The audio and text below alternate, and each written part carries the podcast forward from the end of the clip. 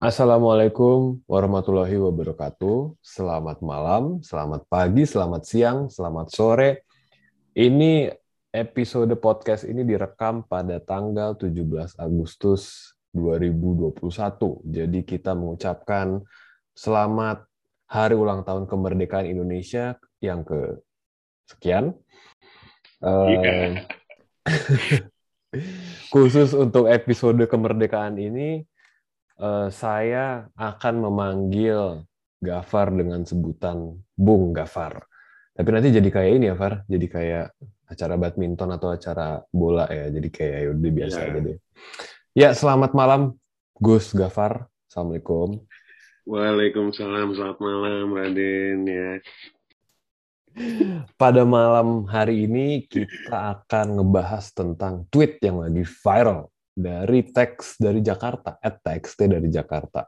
Captionnya sih simple. Uh, siapa yang punya cita-cita berkantor di daerah sini? Terus di videonya itu ada uh, apa kayak semacam penggambaran gitu ya eh, gedung-gedung tinggi Jakarta. Gue tuh nggak tahu ini di mana. Gue tuh sebenarnya orang Jakarta tapi gue nggak terlalu paham tentang seluk beluk nama nama jalan gitu ya. Terus kalau misalkan dari poin A mau ke B di Jakarta terus lewat mana kecuali gue pakai Waze atau pakai Google Maps. Pokoknya ini uh, adalah salah satu pusat distrik di Jakarta. Kayaknya bukan SCBD, mungkin bisa SCBD, gue nggak tahu. Nah, tapi yang kemudian menjadi menarik adalah banyak respons dari tweet ini, yaitu banyak yang kontra gitu, banyak yang kontra yang bilang bahwa ah eh, ngapain sih kerja di tempat kayak gitu. Nanti lebih lanjut tentang perdebatan ini Gafar lebih tahu karena Gafar yang mengalaminya secara personal gitu ya, eh, kesakit hatinya. Ada juga yang bilang setelah melihat perdebatan itu ada orang yang bilang bahwa guys kalau misalkan kalian tetap punya untuk cita-cita untuk berkantor di tempat seperti ini nggak ada masalah jangan biarkan tweet-tweet yang sifatnya salty itu mematikan mimpimu kayak gitu. Nah, sekarang kita ke Gafar nih ya yang mengalami ini secara personal. Far, kenapa bisa uh, dirimu mengalami perdebatan di Twitter itu secara personal, Far? Ini malam ini aku agak agak-agak betek nih. Iya. Karena ada itu tadi video ya entah SCPD pokoknya Jakarta lah dengan gedung-gedung tinggi gitu ya. Hmm. Terus ada yang ngomong ngapain ke sana nggak enak uh, mendingan kerja di daerah di sana mah gini gini gini gini aku sebagai orang daerah nih ini ada nih aku kan orang Jawa Tengah nih hmm. itu punya cita-cita pengen kerja di Jakarta yeah. melihat gedung-gedung tinggi gitu ya bahkan dulu aku pertama kali ke SCBD kali diajak kakakku aku tuh langsung wah gila ini keren banget aku foto-foto tuh gedung-gedung tuh Raden. Hmm, hmm, hmm, Memang ini metropolitan sekali tuh kayak gini nih. Gitu. Hmm. Nah pertanyaannya salah apa enggak ketika aku bermimik kayak gitu sampai banyak banget yang menyinyirin gitu loh. Nah uh, kalau aku sih ya seharusnya nggak perlu dinyinyirin karena apa orang-orang daerah itu pengen kerja Jakarta tuh banyak faktornya. Tapi ya. menurutku ya itu paling banyak karena urusan kesejahteraan, uh-huh. akses dan juga prestis. Uh-huh. Kesejahteraan jelas lah UMR tertinggi di Indonesia Jabodetabek. Gitu. Yeah. Karawang mahan ya. Yeah, Pokoknya dari ke Jakarta lah. Uh-huh. Nah, terus uh, secara akses dia mau ke mana-mana gampang coba kerja di misal di Maluku gitu ya tanpa aku ngejak orang Maluku ya atau di Papua ya nggak apa-apa tapi nggak akses ke mana-mana susah gitu kan dan terakhir prestis bayangin aja tuh sore-sore terus lihat sunset terus dimasukin ke story lihat kemacetan Jakarta wah ini ya ini metropolis sekali nih gitu dan masa aja dinyinyirin gitu Raden oke okay. oke okay. uh eh, jadi sebenarnya ini tuh menurutmu tweet ini tadi itu dan nyinyiran-nyinyiran terhadapnya itu apakah itu menyerang orang daerah secara khusus, Pak? Atau atau justru itu menyerang uh, semua orang tanpa memandang uh, itunya ya, asal asal geografisnya karena dia sekedar ingin kerja di tempat yang tinggi misalnya gitu. Jadi intinya adalah apakah ini khusus menyerang orang daerah atau atau atau enggak? Hmm, gimana ya Raden ya? Nih aku lihat dari contoh kasus tetangga-tetangga gue deh. Tetangga-tetanggaku yang memang pergi ke Jakarta, itu memang kelihatan tuh. Hmm. Jadi ada kenaikan status sosial vertikal. Dia memang hmm. tambah kaya. Walaupun yang enggak yang signifikan sekali, tapi dibanding misal kan daerah-daerah sekitar rumahku ini banyak yang kerja pabrikan kan karena hmm. pabrikan sekitar Kabupaten Semarang Salatiga kan banyak hmm. nah itu ya mereka uh, punya motor bisa bangun rumah sederhana gitu hmm. tapi beda lagi kalau yang uh, ke Jakarta gitu hmm. ya habis ke Jakarta pulang-pulang tuh langsung oh, bisa jadi motornya baru ya. terus yeah. bangun rumah lebih nyaman gitu Bahkan ya. kalau ada orang yang mau nikahin anaknya nih katakanlah, ini gimana ini nyari modalnya ya? Ya ke Jakarta lah, gitu. Nah, karena apa ya? Memang Jakarta harus diakui menghasilkan uang yang lebih banyak mungkin ya menurutku hmm. dibanding kerja di sini. Nah, terus apakah menyerang orang-orang daerah? Hmm, bisa jadi iya gitu, karena hmm pasti ada kecemburuan-kecemburuan tertentu. Coba orang-orang daerah tuh untuk menenteramkan hatinya dengan hmm. kemiskinan yang terjadi, ngomongnya gimana? Nah, Jakarta rumah macet, kalau di sini hidup tenang. Udah itu aja. Tapi secara kesejahteraan beda, gitu Raden. Hmm. Nah, terus yang perlu digarisbawahi lagi, orang Jakarta yang ngomong, uh, ah ngapain sih kerja di SCBD, gedung-gedung tinggi, nggak enak tau. Ya karena lu udah kaya, gitu lu udah pernah ngerasain itu kita belum pernah ngerasain itu Raden kita udah terbiasa kerja di pabrik daerah gitu ya pengen merasakan di ASEAN gitu hmm. ya gedung tinggi dan nah dia udah merasakan itu jadi dia apaan sih aku di sini biasa-biasa aja gitu. Raden hmm, hmm, hmm. oke jadi kan tadi kan ada ada ada tiga hal ya Fare yang yang dirimu pakai untuk ngejelasin uh, kenapa di Jakarta itu menjadi impian orang daerah. Salah satunya tadi prestise dan salah satunya lagi tadi kesejahteraan. Satu lagi apa ya Far tadi Far? Akses. Akses, oke. Okay. Nah, tapi kan sebenarnya untuk bisa sejahtera gitu ya di Jakarta itu banyak juga orang yang nggak perlu kerja di tempat yang tinggi itu dia tetap sejahtera gitu. Eh, apa namanya? Jadi jadi sebenarnya kalau untuk masalah kesejahteraan itu kita nggak perlu ngeliat apa yang ada di tweet ini. Yang di tweet ini kan sebenarnya kan gedung-gedung tinggi itu kan.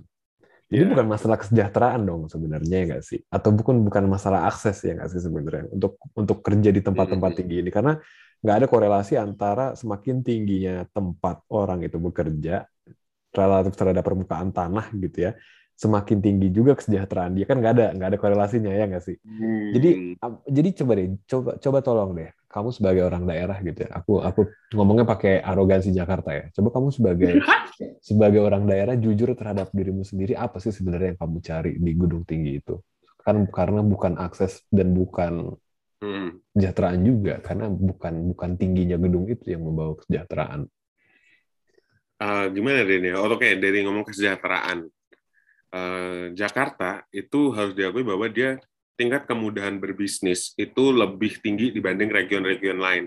Walaupun katanya Surabaya itu lebih tinggi daripada eh Jawa Timur tuh lebih tinggi daripada Jakarta.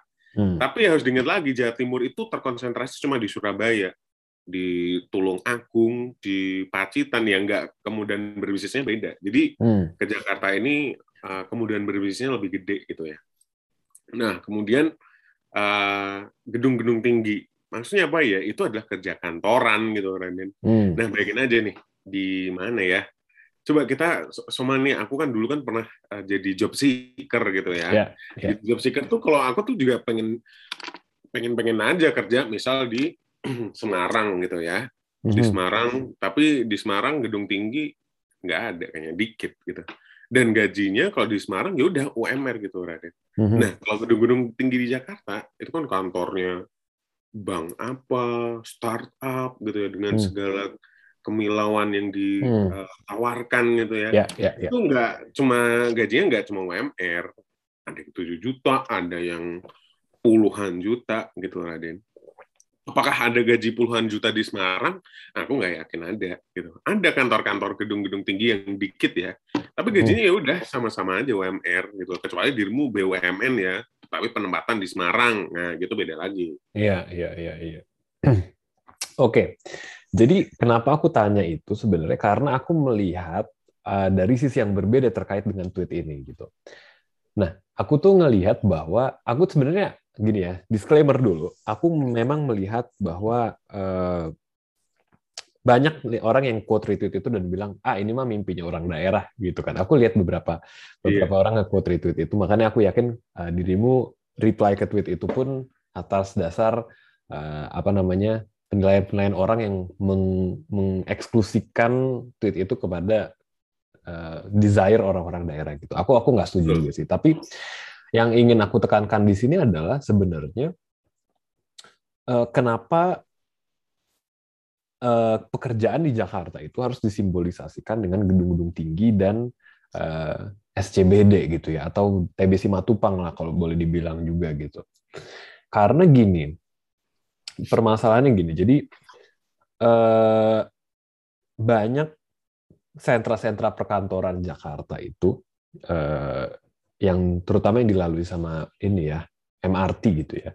Itu dia uh, bisa untung karena dia itu terlibat dalam ini ini karena ini reflektif ya terlibat dalam struktur uh, operation gitu. Tapi kita nggak akan ngejelasin itu terlalu jauh. Kita nggak akan bahas itu terlalu jauh. Jadi gini itu kan visualitas ya apa namanya memang memang memang menyenangkan sih ngelihat IG story orang-orang uh, sunset dari atas kantornya di Shopee misalnya kayak gitu kita sebut nama aja gitu ya atau kita ngelihat kopi Hmm? Gitu, sambil megang kopi gitu. Iya, ya. sambil megang kopi gitu ya. Sambil kayak uh, ada quotes-quotes yang inilah yang apa namanya yang ya ya relatable lah mungkin ya untuk beberapa orang. Terus kita juga ngelihat story-story malam-malam apa namanya uh, lembur gitu ya di kantor di kantornya yang tinggi itu di mungkin di level 30 level 40 Eh, lantai berapa gitu ya. Sambil ngelihat kemacetan di Jakarta lampu-lampu yang warnanya merah warnanya kuning gitu ya kecil-kecil di, di jalan kita lihat tuh dari Instagram story-nya keren sih memang sih. Cuma ya udah what is more than that gitu loh. What what can we make of it juga gitu. Bahwa memang apa namanya gajinya besar iya uh, terus uh, pemandangannya bagus juga iya tapi ya udah gitu loh. Kita kita tuh harus kita tuh harus apa ya uh, bisa melampaui ya cita-cita kita ya. Harus bisa melampaui hal-hal yang sekedar estetik visual kayak begitu gitu loh.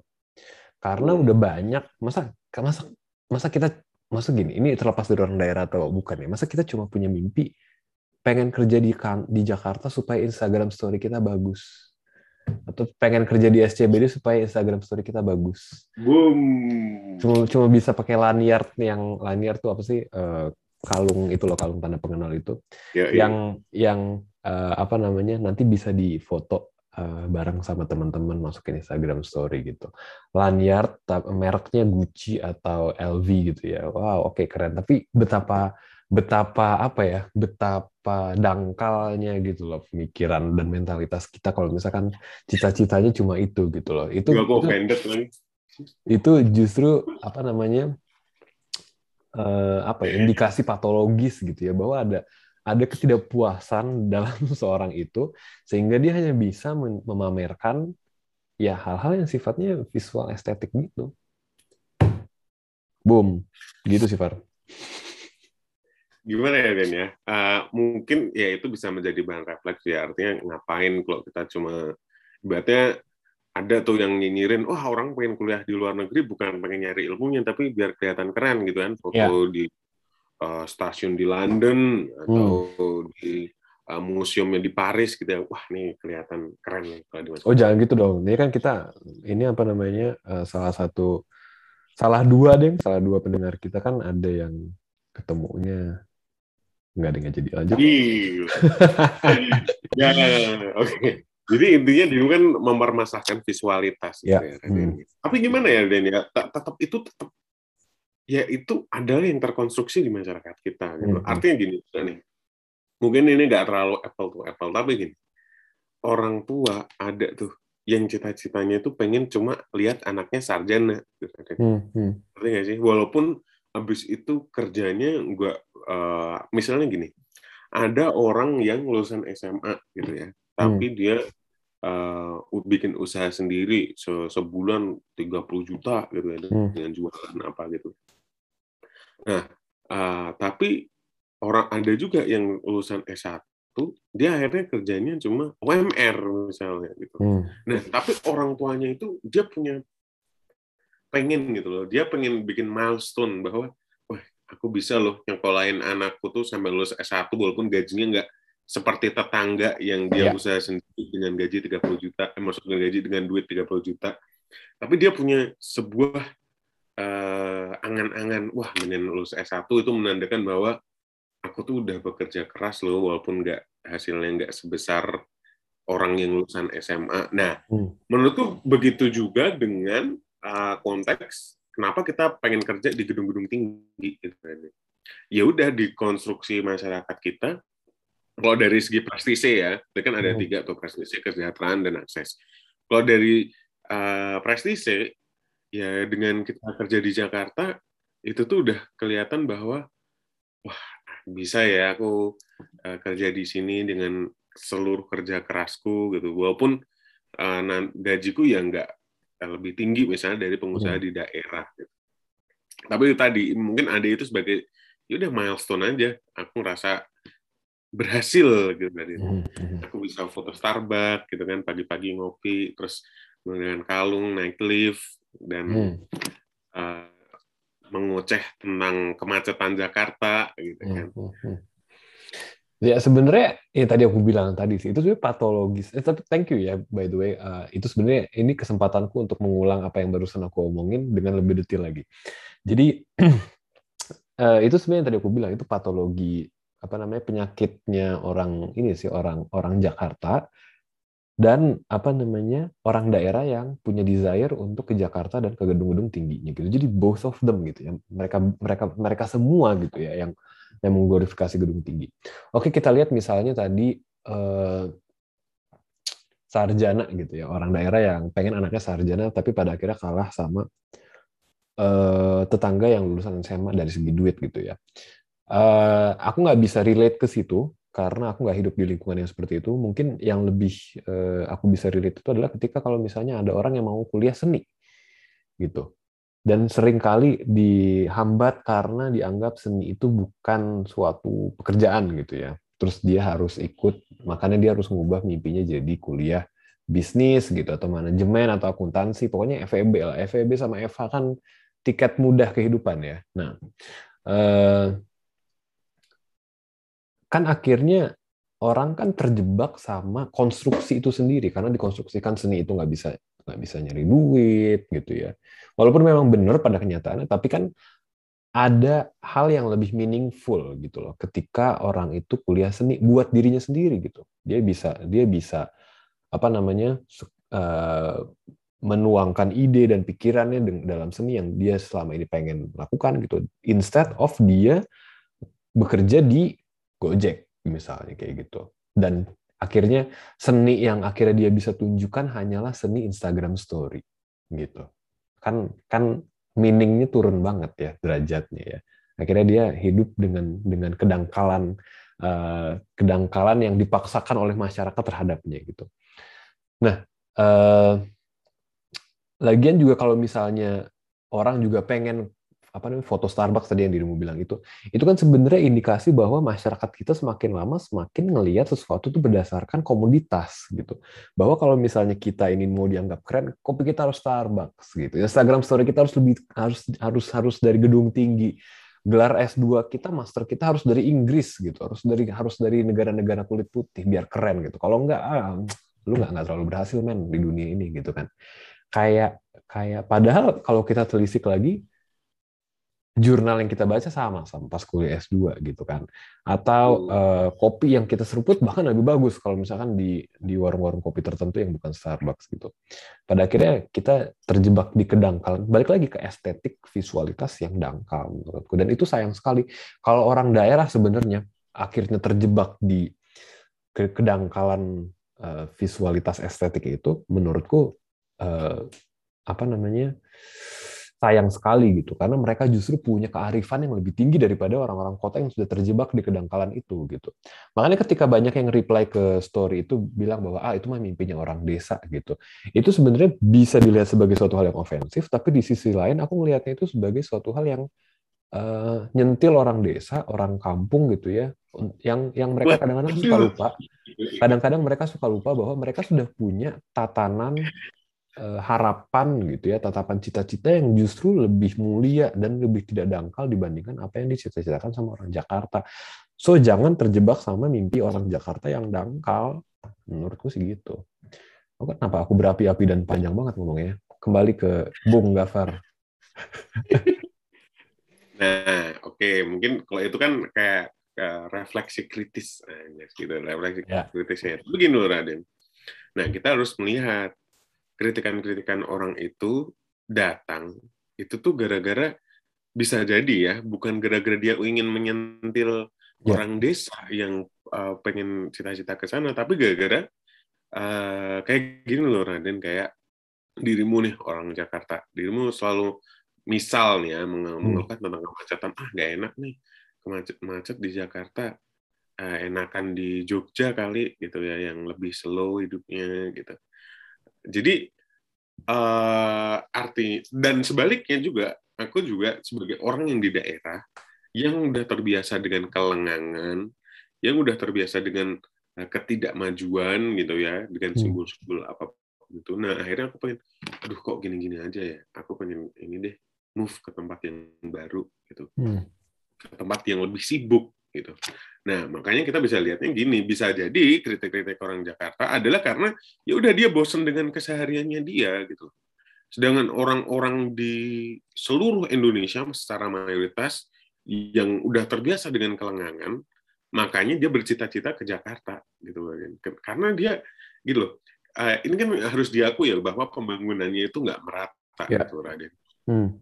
Jadi uh, artinya nanti kalau kita bicara prestisi itu nanti masih uh, menyangkut juga sama uh, kesejahteraan dan uh, akses juga. Oke, kita uh, fokusnya kepada prestisi gitu. Hmm. Ya kita memandang prestisi kenapa? Ya karena di sana dianggap lebih sejahtera, lebih enggak lebih uh, apa ya? Uh, intinya lebih hidup inilah dibanding hmm. di desa yang sepi gitu. Hmm. Nah, mayoritas orang Indonesia itu kan ini nih lengang gitu ya kecuali kayak Surabaya ataupun hmm. Jakarta gitu. Artinya banyak tuh orang-orang daerah di seluruh Indonesia yang memimpikan kerja di Jakarta. Jangan orang Jakartanya sendiri sebagai orang yang udah terbiasa dengan itu, dia akhir justru memimpikan keluar dari Jakarta. Dari tweet-tweet yang aku baca, ah nggak enak, banjir, macet dan lain-lain. Uh, ya udah ini cuma masalah misal ya karena sama-sama bosen dengan keadaan masing-masing aja. Orang daerah bosen sama keadaan daerahnya, orang Jakarta juga bosen. Jadi saling kritik mengkritik gitu Rani. Untuk masa hmm. prestisnya ya terutama. Aku nggak tahu ya. Aku nggak tahu kalau kalau apakah masalahnya hanya se se se se sesimpel kebosanan hidup gitu ya. Karena aku rasa nggak seperti itu masalahnya ini masalahnya lebih ini lagi sih sebenarnya menurutku lebih fundamental lagi daripada sekedar bosen. Karena kan orang miskin ke Jakarta itu nggak cuma buat liburan tapi orang Jakarta ke daerah itu cuma buat liburan gitu kan. Iya. Iya kan? Jadi ada ada ada ketidakseimbangan pula di situ gitu loh. Uh, kalau misalkan dirimu bilang tadi masalah prestise prestise itu apa namanya uh, orang daerah ingin punya prestise orang Jakarta gitu Sementara kalau misalkan orang Jakarta liburan ke Jogja karena karena lebih slow gitu. Itu dia memanfaatkan dan dia melihat Jogja sebagai tempat yang eksotis, loh BTW Far. Tempat yang dia bisa lari dari uh, kenyataannya di Jakarta gitu. Makanya ada sebutan bahwa pengen hidup di, Jog di Jogja tapi gaji gaji Jakarta gitu. Ya nggak sih? Nah, Begitu pula kalau misalkan orang daerah mau ke Jakarta itu dia akhirnya ngelihat ya itu tadi kedangkalan-kedangkalan Instagram Story, Starbucks dan sebagainya itu melihat bahwa uh, hidup yang nyaman itu harus hidup di kota gitu. Ada ada ada dorongan bahwa development itu harus urbanisasi. Padahal itu uh, nggak benar. Tapi kita ngomongin itu Hmm. lain waktu ya, karena karena urbanisasi ini masalah lain lagi. Tapi intinya adalah untuk semua orang gitu ya. Ini karena udah mau habis waktunya untuk semua orang, termasuk Gafar, terutama Gafar, itu kita nggak kita nggak perlu lah mendambakan hal-hal yang sifatnya. Oke kalau misalkan kita pengen kesejahteraan gitu kita pengen gaji 20 juta itu fine gitu. Kita pengen bahwa guru itu dosen itu harus digaji 20 juta minimal fine. Itu itu bukan nggak nggak suatu hal yang dangkal gitu. Tapi kalau misalkan kita pengen punya Instagram story yang sunset di tengah gedung-gedung Jakarta dan di balik kabut polusi gitu. Atau Instagram story yang ngelihat lampu-lampu kecil dari dari kendaraan roda 4 di jalan tol yang kena macet gitu. Itu sayang sekali sih. Maksudnya Hmm. akhirnya apa namanya pelarian kita dari kenyataan hidup hanya urusan-urusan yang nggak penting gitu kan Gafar kan sastrawan gitu harus harus kita tenggelam dalam dunia sastra itu yang harusnya kita lakukan gitu loh jangan cuma Hmm, masalah ya. Iya, jangan cuma masalah Instagram story ini itu ini itu, aduh itu nggak terlalu mengecewakan lah itu. Gitu Far. Ada lagi nggak nih sebelum kita tutup nih? Udah gini aja kan aku kan nyebutnya tiga tuh kesejahteraan, akses dan prestisi. Gitu. Ya. ya. Oke mungkin dalam konteks prestisi kita bisa berefleksi kalau ah, jangan terlalu visual lah gitu. Mhm. Jadi eh, ya udah katakanlah prestisi kan dia juga nomor tiga gitu. Mhm. Ya, ya ya ya kita fokusnya misal ke dua atau ketiga. Nah ini justru akhirnya eh, cita-cita orang-orang daerah untuk bisa ke Jakarta itu justru seharusnya menjadi kritikan yang pedas gitu ya untuk Hmm. bagi pemerintah. Karena apa? Seharusnya kalau menurutku ya orang-orang putra daerah terbaik ya dia membangun daerahnya dia sendiri. Betul. Gitu. Hmm. Ya dia pengen pergi apa ya udah alasannya itu walaupun dengan tiga faktor lain ya Hmm. walaupun yang terakhir dirimu kritik gitu. Hmm. Ya tapi setidaknya aku juga berharap gitu. Apa sih? Aku juga pengen kerja di Salatiga doang gitu, di Kabupaten di Semarang doang, di sini dengan uh, teman-temannya ada gitu. Ngapain aku harus merantau sebenarnya? Hmm. Tapi itu tadi ketentuan kesejahteraan, akses, dan prestise yang dirimu kritik habis-habisan. Ya, oke, siap. Kalau begitu segitu dulu ya. Kita nanti akan ngobrolin lagi. Kalau misalkan nanti sambutan dari orang-orang hangat, kita nanti ngobrolin lagi hal terkait dengan eh, prestise, akses dan kesejahteraan di Jakarta lebih lanjut di episode yang lain. Oke, thank you Gafar, Bung Gafar eh, sudah menemani eh, di malam ini, malam kemerdekaan ya. Kita ketemu lagi eh, minggu depan di episode bincang ke-9. Sekarang ini kan berarti selentingan ke-8 ya, Far ya? Kita bincang ke-9 minggu depan, lalu dua minggu depan lagi bincang ke-9. Mudah-mudahan ada topik-topik menarik yang bisa kita pas di Angkat. selentingan. Iya. Oke, thank you Gafar. Eh, kita pamit ya. Gua Kevin Ali Sesarianto dan Dan saya Gafar orang daerah. kita ketemu lagi minggu depan. Assalamualaikum warahmatullahi wabarakatuh. Selamat malam, selamat pagi, selamat siang, selamat sore. Bye-bye.